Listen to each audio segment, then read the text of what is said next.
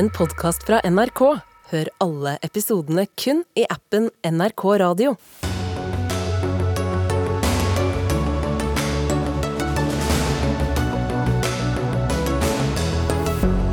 Vladimir Putin holdt tale om rikets tilstand i formiddag. Den inneholdt eh, ingen spor av fred eller forsoning. Pressens reaksjoner på mediekritikken fra prinsesse Märtha Louise er helt ute av proporsjoner, ifølge Kristin Clemet. Vi kan ikke legge oss flate når det ikke er grunn til det, svarer Redaktørforeningen. Mange advarer mot woke-kultur. Det er de som klager på woke, som er mest woke, innvender Brita Møystad Engseth. Og kongen fyller år og poserer med en gave på kongehusets nettsider. Men eh, vasen han fikk fra Putin i fjor, burde blitt sendt i retur, mener en jusprofessor. Vel møtt til Dagsnytt 18, der vi også skal høre fra forsvarsministeren, som varsler nye tiltak mot seksuell trakassering og mobbing i Forsvaret. I studio denne tirsdagskvelden, Sigrid Solund. Mange øyne verden over var rettet mot Russland i dag, der president Vladimir Putin holdt en over to timer lang tale om rikets tilstand til den russiske føderale forsamlingen. Der ga han Vesten skylden for at krigen, eller spesialoperasjonen som han selv kaller det, fortsetter i Ukraina. Gro Holm, NRKs korrespondent i Russland, men akkurat nå her i studio i Oslo, hvilken fortelling var det Putin kom med i dag? Som du nevnte, så var det det med at det er Vesten som ikke bare har skylden, men de startet krigen, sier han. Og viser da til 2014 at de startet væpningen av Ukraina da, og at de har fått ukrainerne til å hate eh, russere. Ehm, og, eh, og, at antall ofre også er Vestens ansvar, sa han. Så eh, sa han at Vestens krig også foregår i massemedia, særlig rettet mot yngre russere, og at det er en verdikamp. Eh, og et angrep på den ortodokse kirken, og han gikk så langt som å si at pedofili er norm i Vesten. Det er jo ganske ekstremt. Så eh, sa han at Russland klarer seg utmerket, vil klare seg utmerket uten Vestens økonomiske hjelp. De klarer seg godt under sanksjonene eh, og vil bygge opp økonomien sin til å være uavhengig av Vesten. Eh, og endelig så eh, la han nok veldig vekt på at de nye regionene, særlig nevnte han Donetsk og Luhansk, skal integreres så fort som mulig i Russland. Julie Wilhelmsen, eh, du har også hørt denne talen, seniorforsker ved Norsk utenrikspolitisk institutt. Hva tror du han ville oppnå med å si alt dette?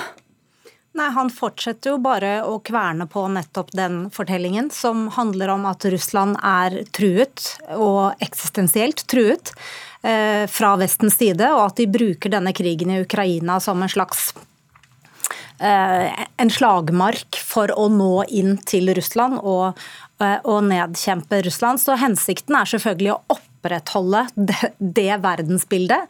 Eh, og nettopp å få mobilisere russerne rundt kampen for da det, det, det store, sterke eh, Russland. Og det lykkes han jo i noen grad med. Eh, samtidig så er det jo en propagandakrig som foregår vestover. Så da er det som Gro sier, å legge all skylden på Vesten. Jeg la også merke til at han sa at eh, Vesten og Washington nå er interessert i å bevege krigen fra å være mer lokal til å bli global. Og Det er jo selvfølgelig en eh, referanse til den tyngre bevæpningen av Kiev. Vi har sett bare de siste ukene hvor man bl.a. sender tanks. Så han, han, han, han, advarer på en måte sine egne folk og, og Vesten om at vi, kan, vi står overfor en eskalering, og det er dere som har Eh, skylda. Går det hjem hos russiske folk, tror du? Ja, altså vi vet jo Jeg tror det er viktig å skille mellom oppslutning om Putin og oppslutning om denne krigen. Men allikevel så er det nok et flertall, kanskje fordi de ikke eh, bryr seg så mye eller ser så mye, som støtter eh, krigen. Og det er i hvert fall et stort eh, flertall som støtter Putin og hans hva skal jeg si, statsprosjekt og liksom forsvaret av, av Russland, da, som han sier han eh, holder på med. Men det er jo ikke godt å vite, selvfølgelig, fordi det er ikke, det er ikke et fritt, fritt, terreng for oss å, å, å undersøke. Det har jo kommet reaksjoner på talen, naturligvis. Nato-sjef Jens Stoltenberg sier at dette viser at Russland forbereder seg på eskalering, på mer krig. Men sa Putin noe om hva som var krigens mål, eller hva som eventuelt kunne få slutt på den, Groholm? Nei, egentlig påfallende lite. Uh, altså En ting er å snakke om slutten, det er selvfølgelig altfor tidlig. Men at han sa så lite om hva som nå er målet. Han gjentok f.eks. ikke det han sa for et år siden, at demilitarisering av Ukraina er målet. Demilitarisering betyr i virkeligheten at du styrter uh, ledelsen som nå sitter i Kiev. Altså regimeendring. Det nevnte han ikke nå, og det er interessant. Det virker som målet hans nå er noe mer begrenset. Men jeg, jeg, tror ikke man skal regne med at målet er noe mindre enn å innlemme eller ta full kontroll over de fire fylkene som ble tvangsinnlemmet i fjor høst, pluss Krim. Det er ikke noe mindre enn det, men han er jo langt unna å nå det målet. Og han forholdt seg på en måte ikke til kritikken heller, som er, som, er, som det er mye av i sosiale medier eh, nå, særlig på Telegram, disse telegramkanalene. Det er altså en meldings- og chattetjeneste. Det er veldig mye kritikk som går på at det ikke har nok ammunisjon, eh, at eh, det er for lite stridsvogner hvor det burde vært stridsvogner, at det er for dårlig koordinering. Han svarte ikke på noe av det. Petja Mankova, du er førsteamanuensis. Dere får ta på dere hodetelefoner, så hører dere også. Eh, I historie ved Universitetet i eh, Tromsø. Han holdt jo en tale for et eh, år siden også, før, som legitimerte altså den samme talen, at han skulle gå til krig. Hvordan har ordbruken eventuelt endret seg i løpet av dette siste året? Altså, jeg ser veldig mye tydelig nå hvordan den vestlige trusselen uh, tegnes av Putin. Uh, han talte i dag mest til uh, det russiske folket. Uh, altså, da er det veldig tydelig at Altså, han påpeker det militære trusselet som kommer nå, altså at Vesten bruker Ukraina som et slags testegrunn til å teste sine våpen. Eh, det, det, var et nytt moment. Eh, han nevnte også Baltikum som et sted hvor eh, USA tester sine styrker. Det som Den andre trusselen, altså den moralske trusselen, den har jo vært både da og nå kanskje nå mye mer sånn sterkt. Han snakker om de vestlige verdiene, altså uh, pedofili ble nevnt, men også litt sånn han siterte fra Bibelen uh, at ekteskap er en hellig union mellom mann og kvinne, til applaus. Um, og så snakket han også om den Vesten, den økonomiske trusselen fra Vesten. Altså at Vesten stjeler uh, kapital fra de russiske forretningsmenn og -kvinner og selskap som har investert, altså gjennom sanksjonene. At dette faktisk uh, er en til trussel. Og for meg var det også et svar uh, til altså disse beskyldningene som kommer nå, at verken de som er i krigen, får nok ammunisjon. Og de som kommer tilbake fra krigen, får det som uh, de skal ha, eller de som er blitt forespeila å få. Vi skal um, få inn at Joe Biden akkurat også har uh, snakket om dette. Han er vel i Polen i dag og sier at det det kan komme på tale også med ytterligere sanksjoner. Som du sa, Groholm, at det sa Putin at det tåler vi godt. Men hvor viktig er, var økonomien da i, i den talen han holdt i dag også? De var veldig, den var veldig viktig. Han snakket veldig mye om økonomi. Eh, og både på, jeg på, si nesten sånn på nivå med individuell støtte, altså støtte til folk som er etterlatte og folk som nå er i krigen. Eh, støtte til eh, mødre. Han er veldig opptatt av mor-barn, for han er veldig opptatt av at befolkningen skrumper. Så demografi er viktig. Og så er det de store linjene, altså mer lån til industri, gunstig lån til industri, utbygging av infrastruktur, motorvei. Ja, de har planer om å bygge motorvei hele som skal gå helt fra St. Petersburg til Vladivostok via Kazan i sør. Eh, havner. Han vil bygge havner i Azovhavet, denne eh, okkuperte stripen som Russland har okkupert fra Ukraina. Mariupol. Eh, er, er, en av de havnene. ikke sant? Eh, der vil han eh, øke liksom eksporten, da, russisk eksport, fra det som egentlig er ukrainske havner. ikke sant? Og han vil bygge ut havner og vannveier i nord. Et stort spørsmål Julie Wilhelmsen, er jo forholdet mellom Kina og Russland også, som også Jens Stoltenberg sa at det var økende bekymring i Nato for hva Kina kunne komme til å gjøre. Hva er sannsynligheten, tror du, for at Kina vil bidra militært inn i denne krigen? Nei, Det er jo et uh, stort spørsmål. Foreløpig har jo Kina på et vis sittet litt på gjerdet. De har ikke eksplisitt fordømt. Eh, samtidig, og det er jo fordi at er det et prinsipp Kina og Russland egentlig har eh, stått sammen om, så er det nettopp eh, territoriell suverenitet. og Derfor er det vanskelig for Kina å, å støtte det standpunktet. Men samtidig så har eh, eh, Kina og Russland hele tiden hatt en slags felles front mot Vesten i det, den anklagen da, om at spesielt Washington tar seg til rette i verden og forsøker å dominere, i, også i andre staters eh, nærområder.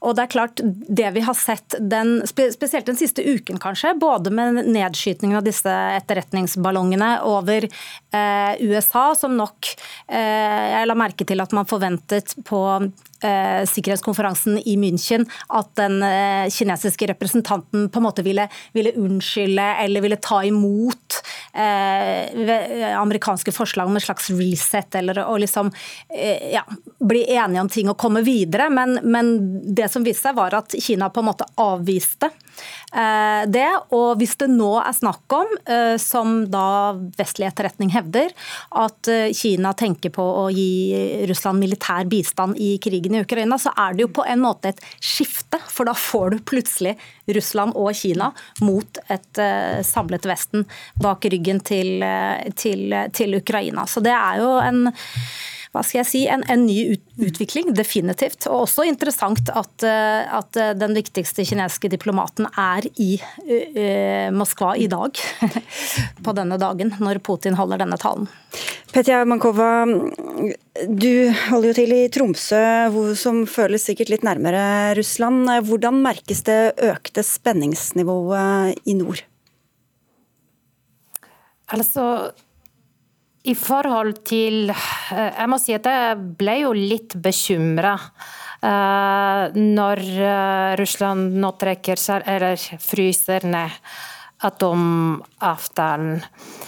Atomvåpenavtalen. Og det er fordi det er faktisk Vi sitter, eller vi bor i et område hvor det er veldig nært til uh, atomubåter, som er utskytings... Uh, som kan skyte ut uh, atomraketter for å teste de ut. Noe som Putin også åpnet når han sa at hvis USA tester sine atomvåpen, så skal vi også gjøre det. Russland gjorde det i 2019. de skjøt ut raketter fra Barentshavet, fra atomubåter mot Kamtsjatka.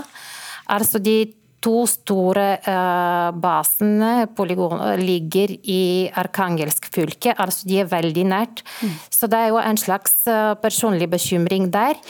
Men spenning, altså Det som er at vi merker at vi har ikke noe samarbeid med Russland nå. Mm. Og da, ja. Mm. Nå er det jo ett år eh, siden, på fredag, eh, denne fullskala invasjonen fra russisk side. Så det blir mer om eh, dette gjennom uka her i Dagsnytt 18 og i alle andre flater i NRK. Så sier vi takk i denne omgang til dere alle tre. Petja Mankova, førsteamanuensis ved Universitetet i Tromsø. Julie Wilhelmsen, seniorforsker ved NUPI. Og vår egen korrespondent Gro Holm.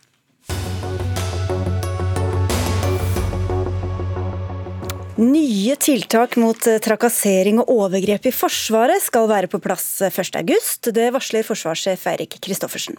Tiltak som allerede er eh, planlagt, er å innføre en sentral varslingsenhet og å gi bedre informasjon til varslerne mens sakene deres eh, behandles. Dette kom fram da forsvarsministeren i formiddag hadde et, skal vi kalle det et oppvaskmøte etter NRKs avsløringer om ytterligere varslersaker i Forsvaret. Med på møtet var også en rekke tillitsvalgte, blant dem militært kvinnelig nettverk, som var fornøyd med forslagene. I motsetning til deg, Ingrid Liland, du er nestleder i Miljøpartiet De Grønne. Hvorfor er ikke du fornøyd?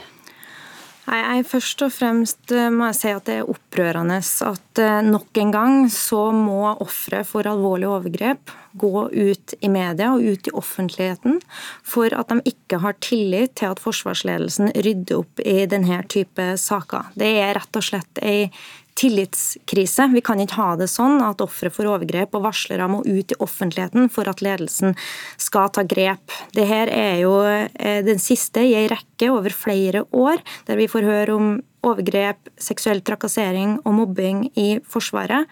Jeg syns det er et veldig dårlig signal.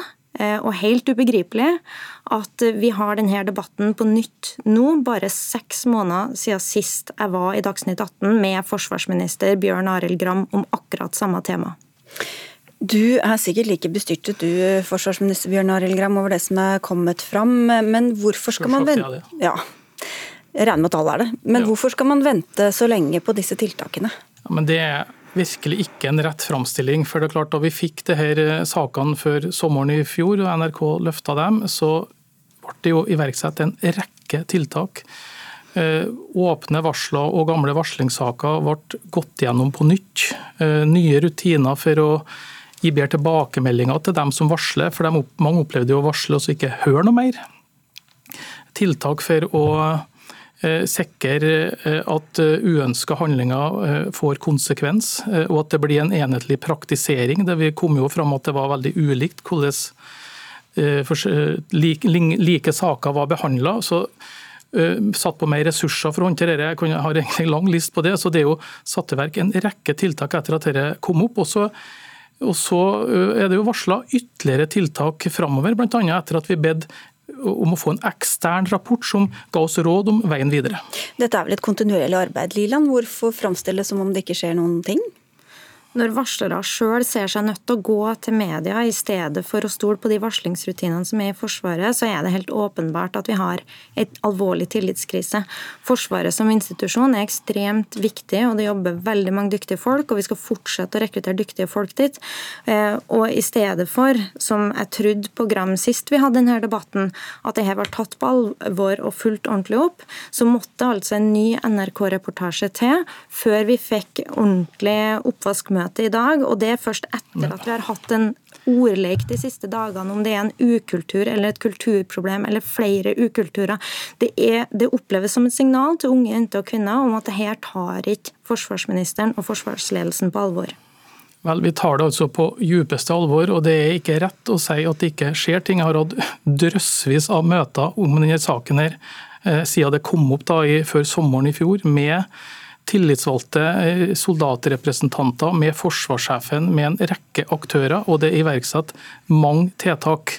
Eh, men det betyr jo ikke at vi er i mål, og det er jo et pågående arbeid. Det kommer 10 000 ungdommer inn fra videregående skole inn i Forsvaret hvert år. Eh, det er veldig viktig at vi har gode rutiner for å sette kulturen helt innledningsvis. At vi styrker de lederne vi har lokalt ut der som møter soldatene sånn at vi i størst mulig grad forebygger eh, at det skjer ting. Men når det skjer ting, så skal det jo håndteres skikkelig, og det har vi lagt stor vekt på å få nye rutiner for.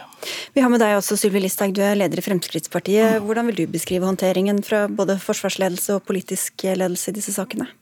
Nei, Jeg syns at det har vært altfor dårlig, og jeg er jo sjokkert over å se hvordan Silje sak ble håndtert eh, oppe på Bardufoss.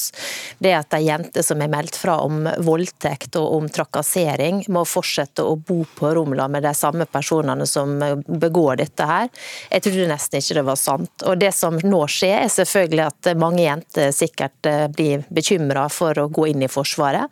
Vi som er foreldre og har jenter, er i hvert fall, for å si det sånn, ikke det første å tenke på at kommer til å anbefale dem å gå dit. Det må ryddes opp. Og jeg tenker at Noe av det første som må skje, er at forsvarssjefen nå erkjenner det som er de faktiske forhold. Dette er en ukultur. Og Det var en rapport også som kom i 2021 som viste at 22 av, eh, da, eh, kvinner, av de som er i Forsvaret, eh, opplevde seksuell trakassering. Av studenter og elever kvinnelige var det 73% Og Da syns ikke jeg at man skal sminke brura og snakke om kultur og prøve liksom å, å fine det til. Det er klart at det er ikke alle som opptrer sånn. Det er klart at det ikke er sånn overalt.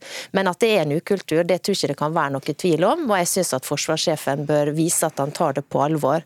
Det, det, kan du bare si at Han sa jo her i går og sa at dette var én ukultur blant mange ukulturer i Forsvaret som måtte rettes opp i, bare for å komme med den saksopplysningen.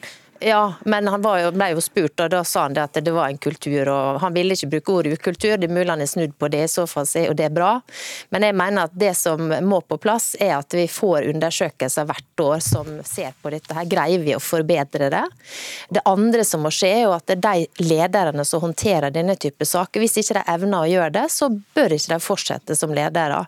Eh, og jeg, jeg tenker at Det vi har sett, er at det har vært en kultur for at også ledere som har begått overtramp sjøl. De er jo blitt forfremma i Forsvaret. Nå håper jeg at det tas tak i, sånn at ikke det får fortsette. Men, men, det er jo helt tydelig det at dette er pågått over lang tid, og at det ikke har vært håndtert. Ja, hva skjer med på ledelsesnivå her, Gram? Bare, altså, bare på understreke det at Vi er enige om at det som har kommet fram er totalt uakseptabelt. Så det, må, det, er ingen som er uenige om det. Og, det. og det er et uttrykk for ukultur, det vi hørte om i helga. Det mener jeg helt klart.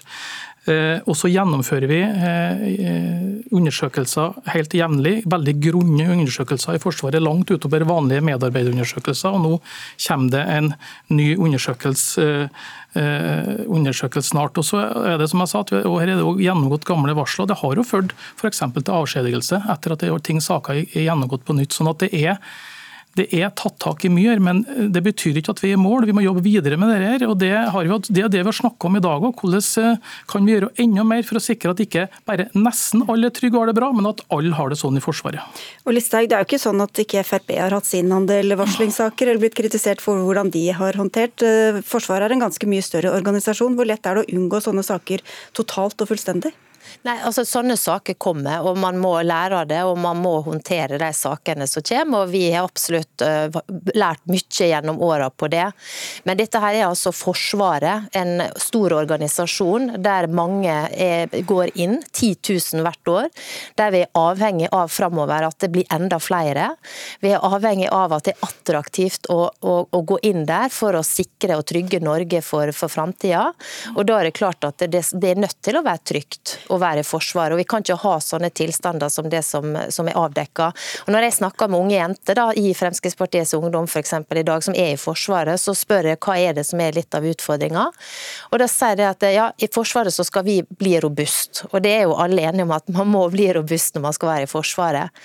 Men samtidig så er det sånn at man føler hele tida at grensene flyttes. Det jeg må akseptere nå, er noe som jeg aldri tidligere ville akseptert. Det er en kultur som gjør at det, ja, kanskje grenser for hvordan jenter opplever å bli omtalt, eh, hva slags sjargong, machokultur, som mm. man må si kun er i deler av Forsvaret. Det, det, må man liksom akseptere. Og det er disse holdningene her også som det må tas tak i, og som er kanskje litt av problemet.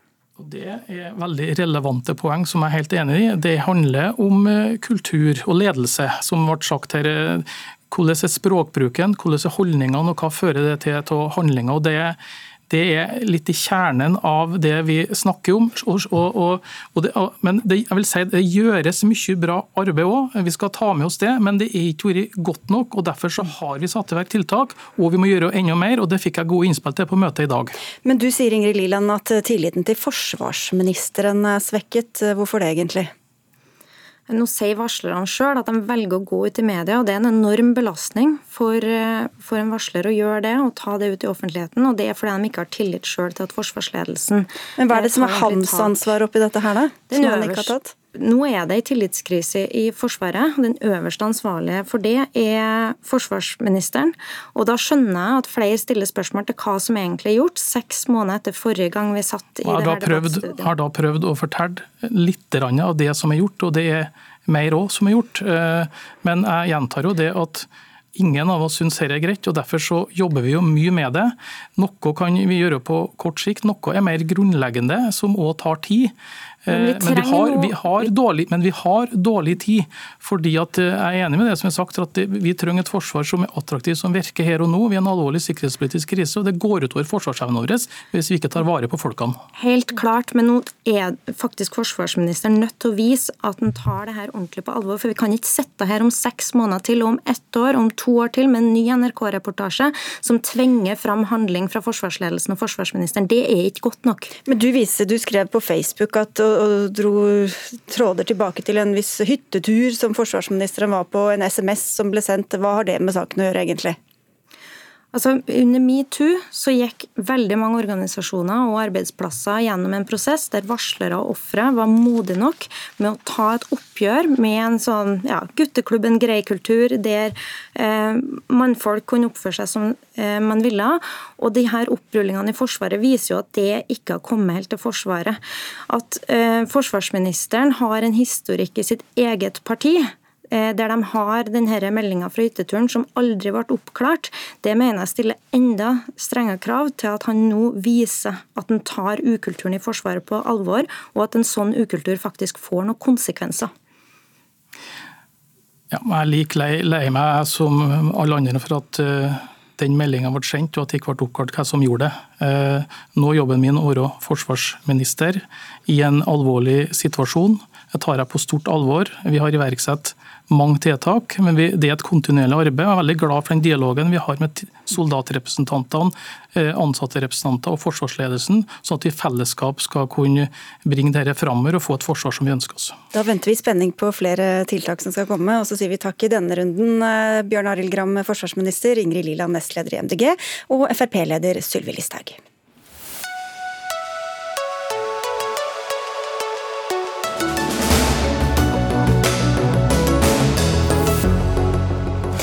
Er vi på vei inn i en kanselleringskultur, eller ser folk spøkelser på høylys dag? Mot slutten av Dagsnytt 18 skal vi diskutere woke, hva nå enn folk legger i det. I dag derimot fyller kong Harald 86 år og poserer på kongehusets egen nettside med en gammel, blå lettmotorsykkel som han har fått i gave. Men det er en presang fra i fjor som får mest oppmerksomhet, nemlig en verdifull vase fra den russiske presidenten Vladimir Putin. Den ble gitt i fødselsdagspresang rett før Russland gikk til fullskala krig mot Ukraina. Etter at krigen hadde pågått i noen uker, sendte kongen et takkebrev østover. Sverre Blandhol, du er professor ved juridisk fakultet ved Universitetet i Oslo og sier til VG at denne gaven burde blitt sendt i retur. Hvorfor det? Jo, altså, jeg tenker jo det at Her oppsto det en litt kinkig situasjon, kanskje. At man får da en gave fra en person som man kanskje helst ikke ville hatt en gave fra. Og Så lurer man på hva man skal gjøre med det. Og ja, Det er jo grunner selvfølgelig for å beholde gaven og takke for den, sånn som vanlig kutyme tilsier. Men det er så grunner kanskje for å gjøre noe annet da, i denne spesielle situasjonen, etter at da Putin har beordret eh, krig i Ukraina, den største eh, invasjonskrigen siden annen verdenskrig, og eh, disse krigsforbrytelsene, som også da, i hvert fall når takkebrevet går, da, er avdekket. Så jeg tenker at I den situasjonen er jo på en måte et dilemma. da, det er, det er, ikke helt opplagt hva som er riktig å gjøre, så bør man jo tenke seg veldig godt om. Hva signaliserer og, og, det når man beholder det og takker for det? Nei, altså, jeg tenker jo at kanskje Her har man kanskje ikke tenkt seg godt nok om, jeg vet ikke nok om det, men i hvert fall det har stått i avisene at man gjør det vanlig eh, å beholde gaver og takke for dem. og eh, Det tenker jeg ikke, det er ikke bra nok. da, så Det, det holder liksom ikke å si at vel, altså, det er tradisjon hos oss å ta imot gaver fra statsledere som begår krigsforbrytelser i massiv skala. eller det, det, føltes bare feil å sende gaven tilbake. Man må liksom ha en rasjonell grunn. Det er ikke nok å bare si at det er vane, tradisjon eller følelser. Så jeg tenker at Det som man må tenke på er selvfølgelig disse normene da, for hva som er eh, kutyme, og hva som man gjør mellom statsoverhoder. Det er selvfølgelig veldig viktig.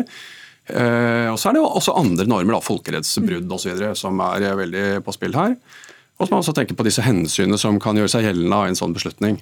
Vi, vi kan, og, og da tenker jeg sant, det, er jo, det er politiske hensyn, selvfølgelig. Sant, lønner det seg å ta imot gaven, eller straffer det seg hvis man sender tilbake? Og jeg tenker på Det som, jeg tenker at det er kanskje ikke det som er utslagsgivende her, men også tenke på, på en måte liksom, mer omdømmemessig, verdimessig. Hvordan er det, liksom, Hva vil vi fremstå som i, i Norge? Og da også da disse konsekvensene. Jeg tenker det er særlig tre ting. Det relasjonelle og den legitimiteten da, som det å akseptere gaver fra Putin i denne situasjonen gir, og det er også da det lille elementet eventuelt av påvirkning. Så jeg mener Ut fra det som jeg vet, da, altså, som jeg tenkte på i går når jeg ble spurt av VG, så tenker jeg at det riktige ville være å sende gaven tilbake, eller i hvert fall ikke takke for den. Ok, Vi kan komme til disse normene og historien litt etter hvert, men Ivi B. Neumann, du er direktør ved Fridtjof Nansens institutt og forsker på diplomati, og sier at det ikke ville vært så lurt nødvendigvis å takke nei til en sånn gave, eller? Vi kan gå rett på normene. Vi har De første skriftlige opptegnelsene vi har fra diplomati, er 3800 år gamle. Der snakkes det om gaver. Sånn at eh, En norm som har stått seg i 3800 år, er det sannsynligvis noe ved. Og Den normen sier vi tar imot gaver, og vi sender gaver tilbake. Og Alle vet jo av egen erfaring hvordan det er å ikke få en gave eh, akseptert, eller endog få den i retur. Det er ikke morsomt. Diplomati dreier seg om å snakke med andre, også med fienden. Det å ikke snakke med fienden, det er antidiplomati. Så for å holde kanaler oppe, ikke minst fordi det kommer en dag i morgen, så er det lurt at noen, iallfall noen, helt grunnleggende sosiale eh, saker og ting får lov å, å rulle og gå. Og gaveutveksling er en sånn. Og nå er det jo isfront politisk og mange sanksjoner mot Russland. Hvorfor skal man også kutte disse mer symbolske båndene? Bare si med en gang at Jeg mener jo ikke at man skal kutte all kontakt med Russland. Det vil være helt feil. Det er utrolig viktig å snakke med Russland, selvfølgelig også i denne situasjonen. Altså, uansett hva Russland og Putin gjør. Hvis vi sender gaven tilbake fra men, kongen, så er det ikke sikkert at de har lyst på kontakt nei, med oss, og Du skal ikke undervurdere selvfølgelig skal ikke undervurdere liksom elementet av personlig fornærmelse som at det kan ha en storpolitisk betydning. Bevare meg vel. Men jeg tenker at dette, dette, på en måte var en anledning da, til, å, til å eventuelt da signalisere at det er akkurat nå ikke sant, Putin respekterer deg, du er eh, Russlands statsoverhode, men akkurat det å motta gaver fra deg nå, det er ikke noe vi ønsker å gjøre. Kunne da signalisert det ved å ja, Det er en ganske spesiell situasjon også, når det er Veldig spesielt, men dette er jo ikke bare personlig. Altså, dette er jo ikke en gave fra Putin til kong Harald uh, alene. Det er en gave fra Russland til Norge. Så det er Norge som gir Russland en kald skulder om man sender den i retur. Så dette er jo noe ganske annet enn en personlig gave. Men hvorfor er det annerledes enn å si at nå er det full stopp på politisk nivå? Fordi eh, Ah, ja. For det første er det ikke full stopp. Altså, har, eh, På høyt, høyt, politisk nivå er det ganske stopp. Men, det er sant. Men, men vi gjør et poeng av f.eks. fiskeriforhandlinger. Rett og slett fordi det er felles interesser, og ikke minst for å unngå at misforståelser skal oppstå, at det skal være feil kommunikasjon som gjør at man får problemer man ellers ikke ville hatt. Og Det å utveksle gaver er en typisk sånn helt grunnleggende ting som man gjør. Det skal veldig mye til å tappe ut det badekarvanet der, altså. Hvordan ville det blitt mottatt, tror du? Nei, Det ville selvfølgelig ikke blitt sagt noe, men man hadde jo merket seg det.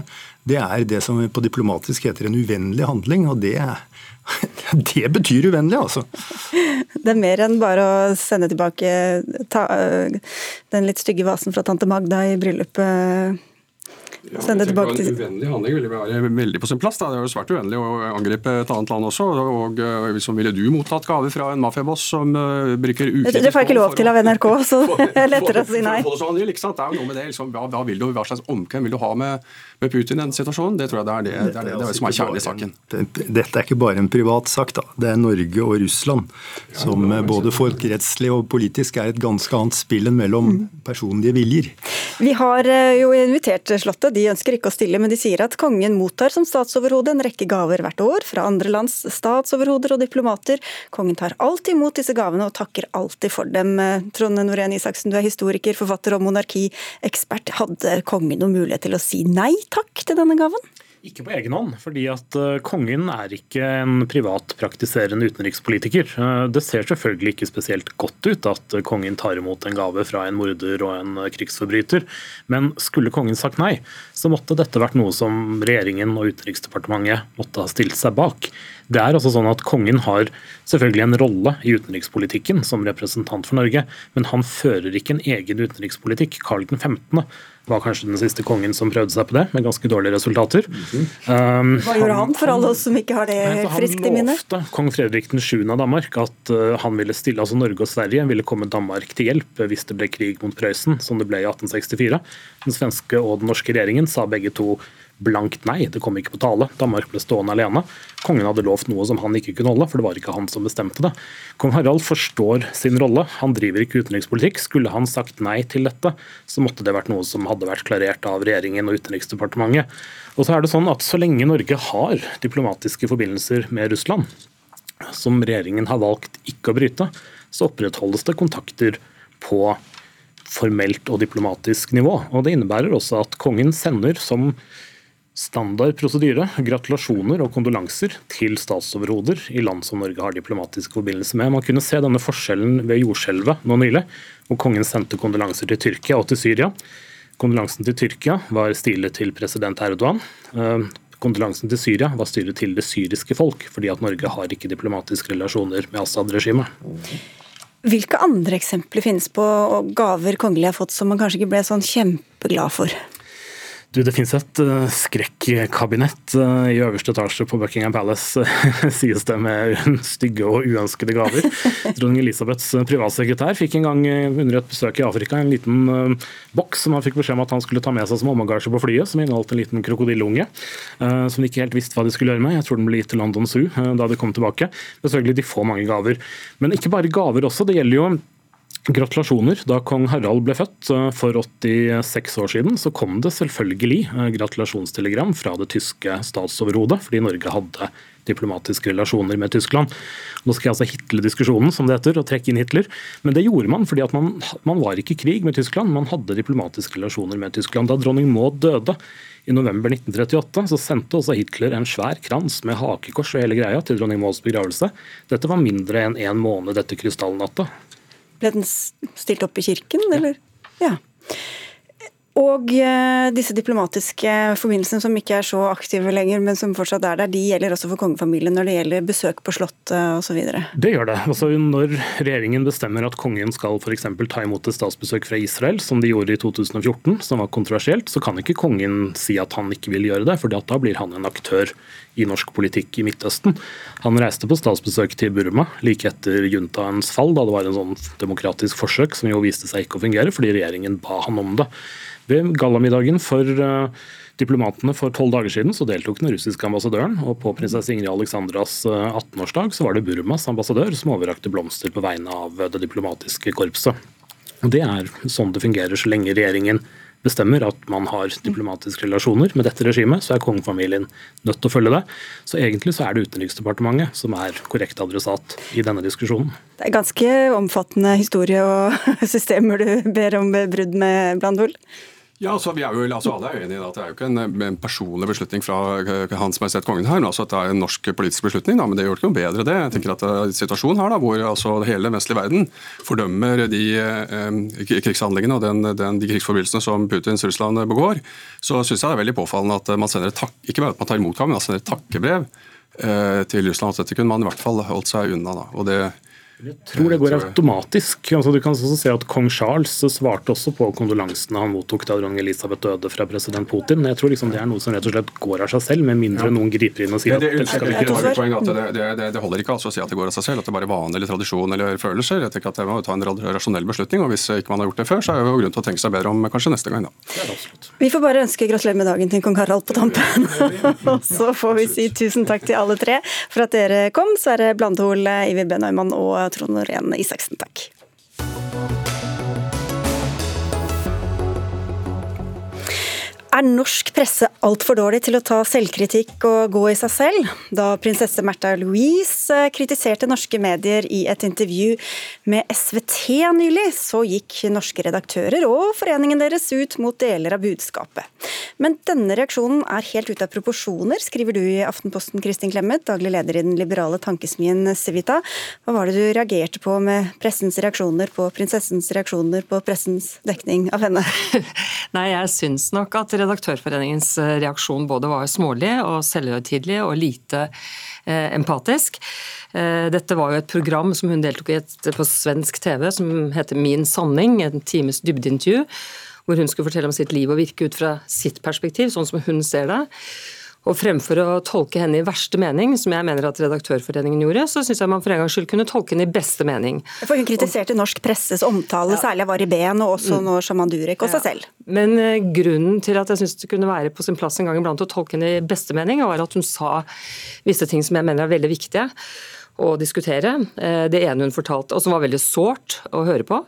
Det eneste ene hun fortalte, var at hun som ung tenåring trodde at alle hatet henne fordi det sto så mye stygt om henne i pressen. Eh, det andre hun fortalte, var at hun opplevde at hun har vært veldig sterkt kritisert over veldig mange år. Kanskje hun overdrev, men hvis vi tenker over det, så har hun kanskje vært utsatt for ganske mye kritikk i nærmere 40 år. Og så fortalte hun om hvordan man kan bli syk av mye kritikk i og av pressen. Fordi hun jo levde sammen med Ari Behn, som er faren til hennes tre barn og som eh, ble påvirket negativt på sin psykiske helse som følge av det han opplevde av negativitet gjennom pressen. Eh, og jeg mener at De tingene der er viktig å diskutere. Viktig av hensyn til henne og hennes familie, som har vært gjennom store livskriser, men også viktig av mange, hensyn til mange andre som opplever den typen trykk fra pressen. Det diskuterte også en her i Dagsnytt 18 i går. Men istedenfor å få den debatten, så får hun altså igjen kritikk. Og dermed ble det bekreftet på mange måter at hun har rett. Hun møter nesten bare kritikk. Ja, du, Vi har jo allerede diskutert denne saken, men debatten har jo gått siden også. Eh, Reidun Kjelling Nybø, generalsekretær i Norske redaktørforeningen. Du kalte det alvorlig og farlig, noen av disse uttalelsene fra prinsessen. Hva tenker du om det Clemet sier her, om hvordan man møtte dette? Eh, altså Det er ikke kritikken eh, fra prinsessa som er hovedproblemet, som var hovedproblemet for oss. Det er premissene eh, for eh, kritikken. Eh, og de, de, var feil, og da måtte vi reagere. Da kunne vi ikke la det passere. Prinsessa hun gjorde en kobling ut av Ari Behn sitt selvmord og pressedekninga. Og det etterlatte inntrykket det var at pressen samla var medskyldig i hans død. Og det stemte, stemmer jo ikke. Eh, og det samme var eh, eh, Hun sa at Durek Verret, at pressen, redaktørstyrte mediene, hadde, hadde fremheva Durek Verret sin, sin, seksuelle legning og hans hudfarge. Det stemmer heller ikke. Så det var så mye der som var både kontrafaktisk og unyansert, så vi måtte reagere. Men når det er sagt, så er vi mer enn gjerne med på en diskusjon om pressens rolle. Om pressens evne til å være åpen, om pressens evne til å beklage feil. Og, og, ikke minst om mediedrevet. Eh, dette ligger til kjerneoppgavene til Redaktørforeninga. Men dette var kanskje ikke det beste eksempelet? Nei, altså jeg synes jo, Hun sa jo eksplisitt at hun ikke ga noen skylden for, det, for Ari Behns selvmord. det var litt at, sånn medansvar? Men, ja, men altså, Det får være grenser for å drive revisoraktig kritikk av henne. Hun sitter i et sånt program. Kan man ikke heller høre etter det hun sier er viktig? Og må bare minne om at i tillegg til Redaktørforeningen så ble det altså sagt om henne, eh, også av Redaktørforeningen, at hun, det hun gjorde var en fare for demokratiet. At hun kom med grove beskyldninger mot pressen. At hun mangler selvinnsikt. At hun er lattervekkende, hårreisende. At det hun gjør er alvorlig. Og utover hele Finansavisens forside så sto det at hun var frekk som flatlusa. Det er det hun ble møtt med. Eh, nå har jeg ratt meg å legge til at eh, heldigvis Klassekampen etter hvert skrev en leder hvor de støtter noe av det jeg sier, og mener at dette her er overdrevent. Og det er jo helt ute av proporsjoner. Og det er dette som er så vondt for de som blir utsatt for mye kritikk, at det er jo ikke bare selve kritikken, men det er hvordan dette utstyres. Det er vinkler, det er bilder, det er overdrivelse, det er etterlatt inntrykk som du snakker, og det samlede medietrykket.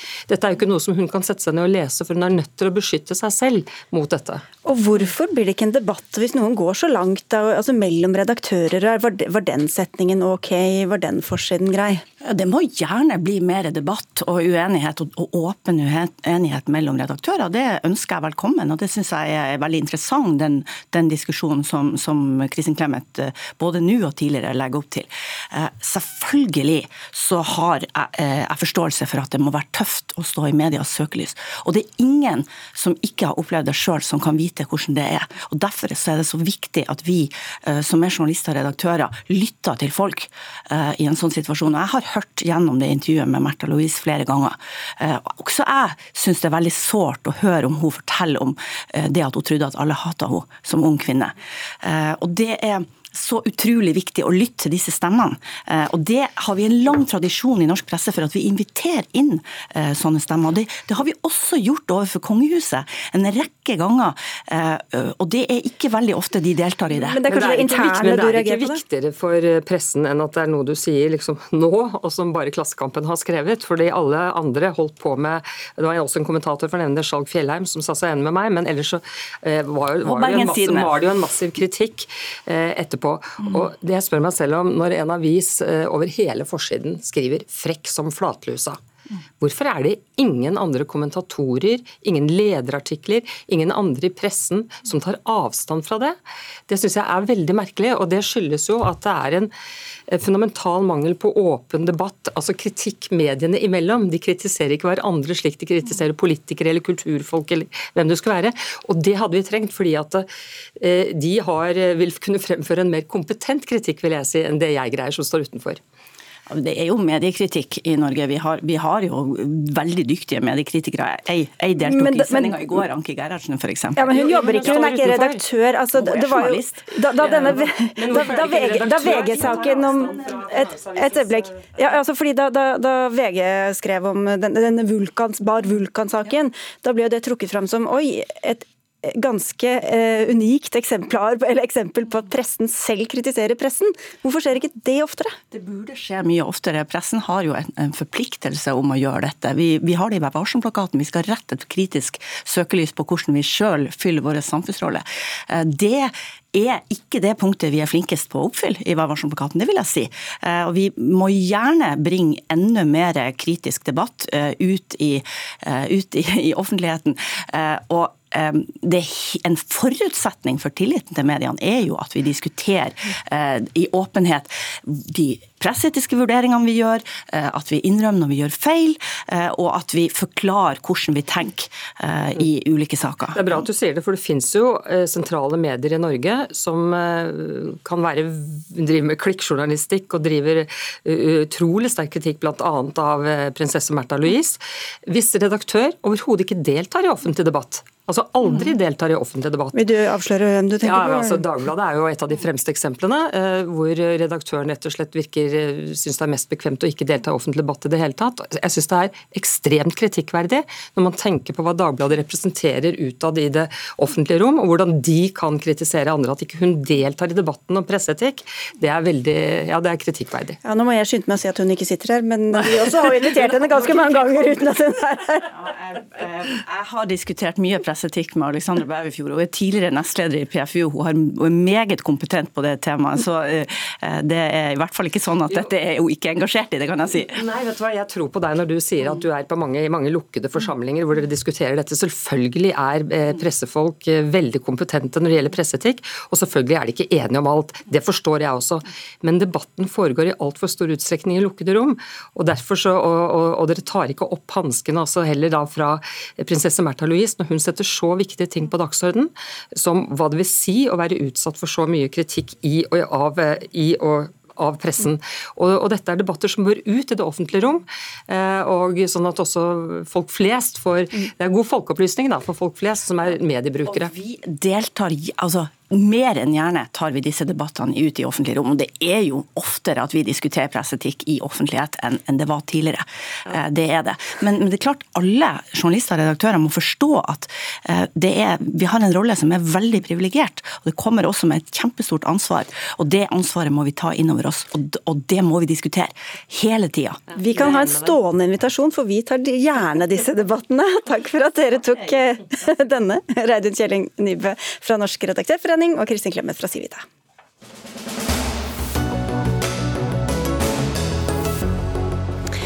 Språk i Roald Dahls barnebøker skal renses, Donald Duck-klassikere droppes pga. en rasistisk karakter, og Nasjonalmuseet ble beskyldt for å kansellere Christian Krogh. Fellesnevneren for disse, og en del andre saker de siste årene, de leses inn i det som mange oppfatter som en såkalt woke kanselleringskultur. Men Brita Møystad Engstedt, du er filmkritiker og programlederen woke sådan. Du skriver i en eh, kronikk i VG i dag at ja, de som klager på woke, gjerne er de som er mest woke selv. Hva mener du med det? Eh, jo, altså det er jo f.eks. reaksjonen på, på Christian Krogh. Eh, et bilde av Leif Eriksson som kanskje ingen hadde sett på på mange år, og så flyttes det vekk for å gi plass til noe annet. Og alle bare klikker. Eh, og det er et overgrep mot norsk kultur, og det er sensur og alt mulig. Og da er man ganske woke eh, når man reagerer så hodeløst på, på et enkeltbilde. Eh, eller sånn som folk har reagert på min kronikk i VG i dag. Woke er åpenbart et triggerord uten like hos deler av befolkningen. Men hva er det, hva legger du i å være woke, da? Altså, hvis vi går tilbake til den opprinnelige betydningen av året, altså det dukket opp i eh, svart amerikansk eh, hverdagsspråk, slang, på 30-tallet. og Da handlet det rett og slett om at det man skulle være woke, årvåken, passe på eh, de strukturelle og systemiske eller den strukturelle og systemiske rasismen som eh, svarte amerikanere ble utsatt for. Eh, på 60-tallet så betød det simpelthen å være opplyst og eh, veldig informert. Og Erika Abadou var faktisk en av de første som brukte hashtaggen 'stay woke' i forbindelse med eh, arrestasjonen av Pussy Riot uh, i 2008. Uh, så for meg så er ordet i seg selv er ikke så viktig som det det faktisk forsøker å beskrive, men fordi det er ubehagelig å måtte forholde seg til systemiske skjevheter i samfunnet. Og Istedenfor å gjøre noe med dem, så går man løs på ordet. Eh, og gjør narr av ordet og gjør det til noe som alle kan le av, så slipper man å ta ansvaret for det ordet faktisk beskriver. Og En av dem som har advart mest mot denne woke-bevegelsen eh, er deg, Dan Bichoid, sjefredaktør i eh, Subjekt. Så det betyr vel at det er du som er mest woke, og kanskje mest hårsår av alle, da, eller? Nei, det er feil bruk av ordet, rett og slett, vil jeg nok mene. Fordi at dagens betydning av ordet er det diametralt motsatte av hva Brita beskriver. Og det er ikke fordi at Brita tar feil, men fordi at ordet har endret endret betydning opp gjennom tidene. Etter Black Lives Matter-demonstrasjonene i 2014 så begynte man å ane konturene av dette, og i dag så er det blitt et skjellsord. Og jeg er jo enig i at uh, i utgangspunktet så er det jo bra å være woke og være årvåken, men uh, plutselig så begynte man å bli så årvåken og bli så våken og se så godt at man begynte å se spøkelser, altså problemer som ikke finnes. Og siden så har vi hørt enormt mange fascinerende historier og egentlig ganske morsomme om f.eks. rasistisk friluftsliv, rasistisk stein, rasistisk benk. Statuer skal rives for å være rasistiske. Humor skal eh, skrives om eller slettes fra arkivene. Og vi har sett eh, at Donald Duck nå ikke skal distribueres fordi det er støtende, krenkende osv. Så, videre. så i dag så er woke det å være veldig oversensitiv. Ja, Har det gått fra å være årvåken til å bli nærmest paranoid, Engseth? Uh, ja, altså Det er jo sånn man da ødelegger en bevegelse. At man, man, slipper unna å måtte gjøre noen ting med de grunnleggende problemene, er jo da ved å kunne gjøre narr av ordet. Akkurat som uh, høyresiden klarte å ødelegge begrepet politisk korrekt, f.eks. Som uh, egentlig er et aldeles utmerket uttrykk, men som også er et skjellsord. Det er jo ingen som har lyst til å være politisk korrekt i våre dager. Og det er ingen som har lyst til å være woke i våre dager heller. Og det er veldig synd at vi nå bare debatterer ordet, og at med det samme ordet dukker opp. Altså, det trigger folk så vilt, og gjør også at disse menneskene slipper å måtte forholde seg til de problemene som man faktisk snakker om. Jeg er helt enig med Danby at det, eh, at det, det har, altså innimellom går over alle støvleskaft eh, og over hva man blir krenket og fornærmet av. Men eh, når man har klart å ødelegge det ordet eh, så mye at det, det, ikke lenger kan brukes, og at, det, at man heller ikke lenger diskuterer eh, problemene som ligger bak, da har vi spilt fallitt. Det Nei, men det, det, blir litt sånn ordkløveri og dessuten veldig relativistisk. fordi jeg tenker jo at det går an å være antirasist selv om du ikke lenger har eierskapet til ordet woke. Det viktigste er jo egentlig at du er antirasist og vil forkjempe eh, rasismen i samfunnet. og Det er det mulig å gjøre. Og det er faktisk ikke rasistisk å mene at noen antirasistiske aktivister går over stokk og stein. Det er tvert imot veldig velmenende antirasisme. Nei, det har ikke jeg sagt at du har sagt heller. Men jeg mener at det å være en woke-kritiker, det handler egentlig om at du ønsker antirasismen å være den beste typen antirasisme. Fordi at Hvis du er sånn at du er naiv mot eh, overopphetet aktivisme, da, så får du en type antirasisme som ikke har legitimitet i samfunnet, og det er veldig farlig. Og Det andre som er veldig farlig med woke, er at den er veldig oversensitiv, og den måler alt på en skala fra god til ond, på en måte. Og På denne skalaen så er det veldig mange disipliner som slår veldig dårlig ut, f.eks. kritisk journalistikk, humor, kunst, forskning. Forskning skal fortelle oss kanskje noen ubehagelige sannheter om innvandring. Journalistikk skal fortelle oss noen ubehagelige sannheter om eh, ukulturer osv.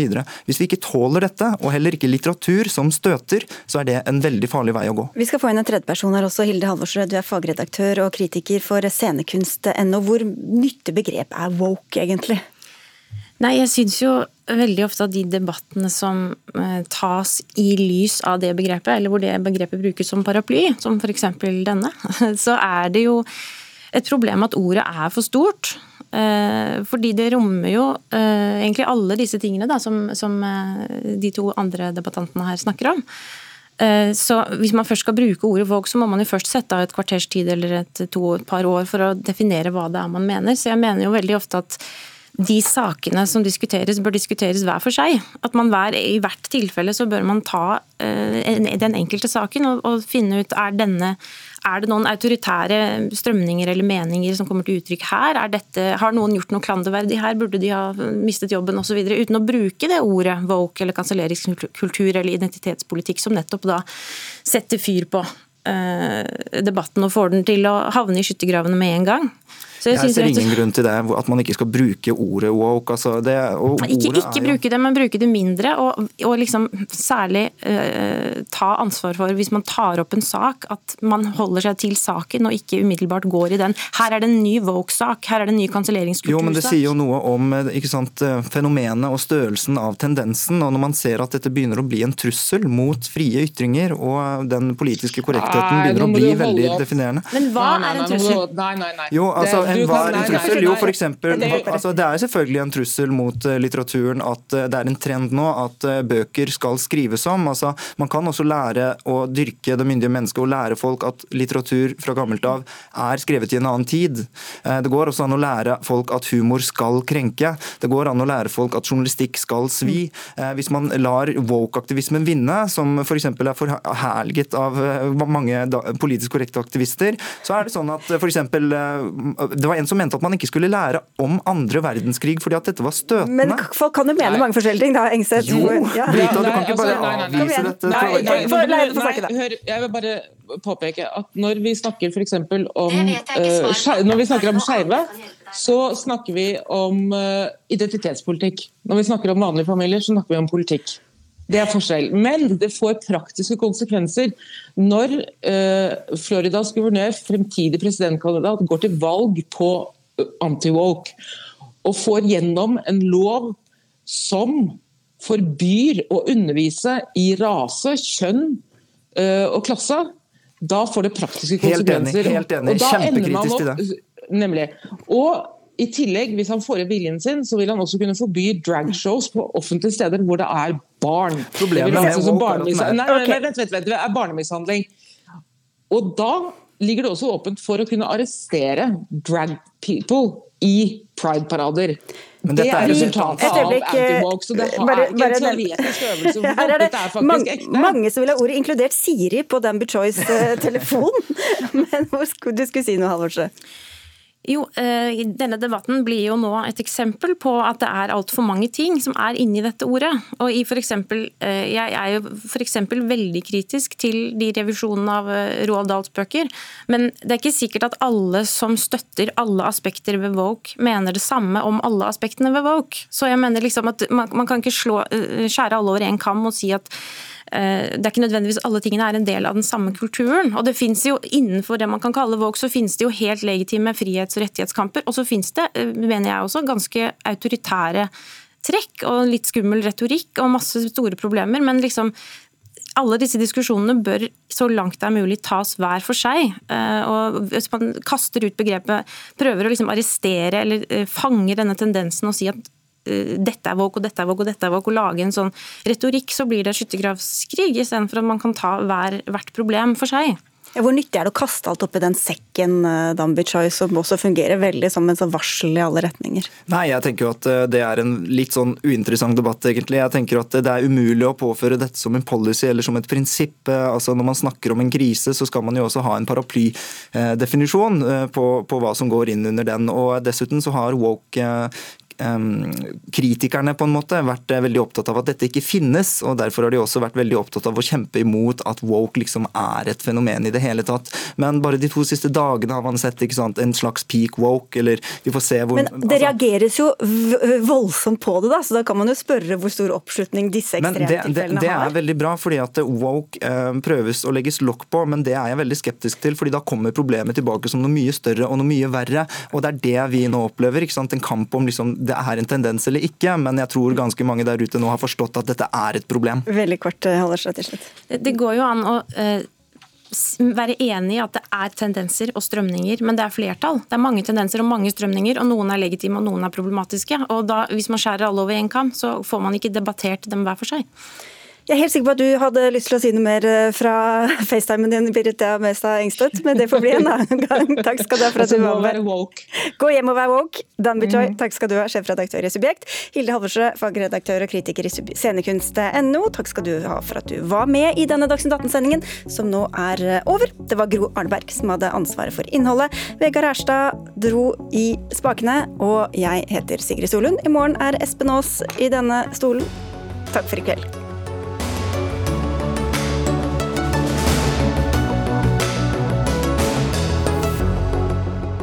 Du har hørt en podkast fra NRK. Hør alle episodene kun i appen NRK Radio.